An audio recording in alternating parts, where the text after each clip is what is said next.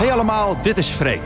Wat super tof dat we samen op deze expeditie gaan naar de allermooiste plekken van de oceaan. Ben je er klaar voor? Zorg dat je je koptelefoon opzet, dan weet je zeker dat je niets mist. Luister mee en sluit je aan bij Expeditie Oceaan.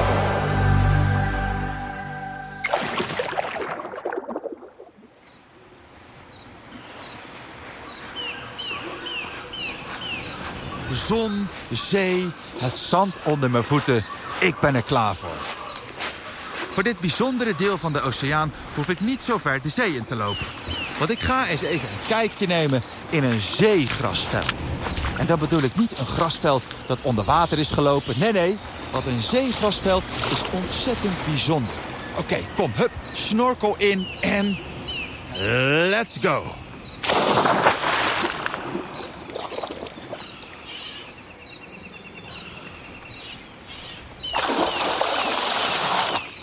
Holy moly, het staat hier echt helemaal vol met zeegras. Ik voel het tegen mijn benen kriebelen. En zeegras is geen echt gras. Het heet alleen zo omdat het op landgras lijkt. En er zijn wel meer dan 70 soorten zeegrassen. Sommige komen over de hele wereld voor langs de kust. En andere maar op één plek.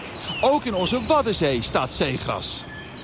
En zeegrasplanten zijn allemaal ontstaan uit landplanten. Ze kunnen net als zij, energie uit de zon halen om te groeien. En ze hebben ook echte wortels. Dat heeft zeewier bijvoorbeeld niet. De plantenwortels van zeegras houden de zandige zeebodem vlak voor de kust goed en stevig vast.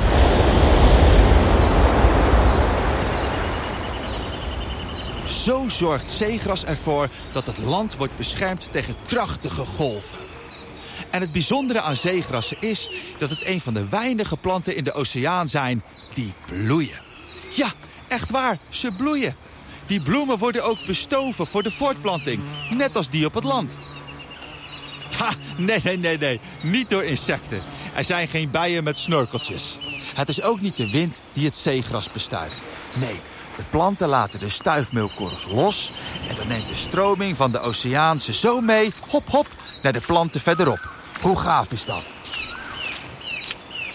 En er staan hier niet alleen planten. Oh nee, het lijkt misschien een beetje saai van boven. Maar in een zeegrasveld leven honderden dieren. Van klein, zoals krabbetjes en zeepaardjes...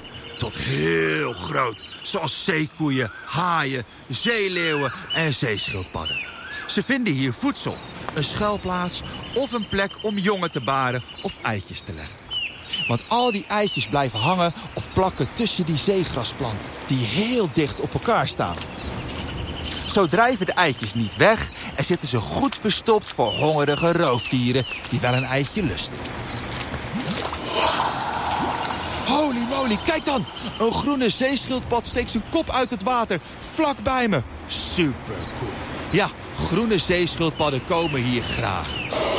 Ze eten per dag kilo's zeegras. Maar ja, ze moeten er met z'n allen natuurlijk niet te veel van eten. Want dan wordt het hier straks een zandwoestijn en zijn alle andere dieren weg. En dat wil niemand.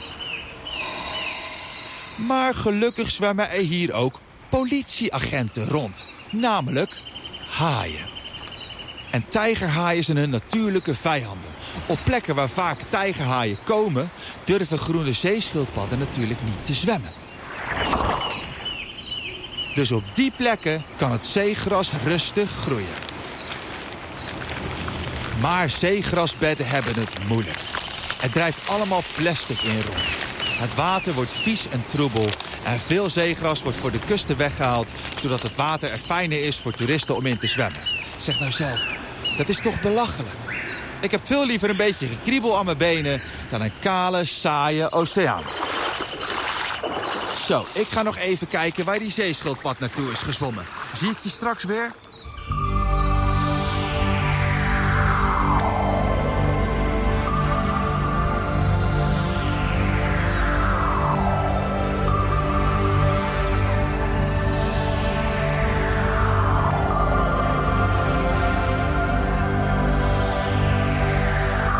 Ben je klaar voor de volgende ontdekkingsreis? Mooi, want er is nog heel veel meer te ontdekken met Expeditie Oceaan van Albert Heijn.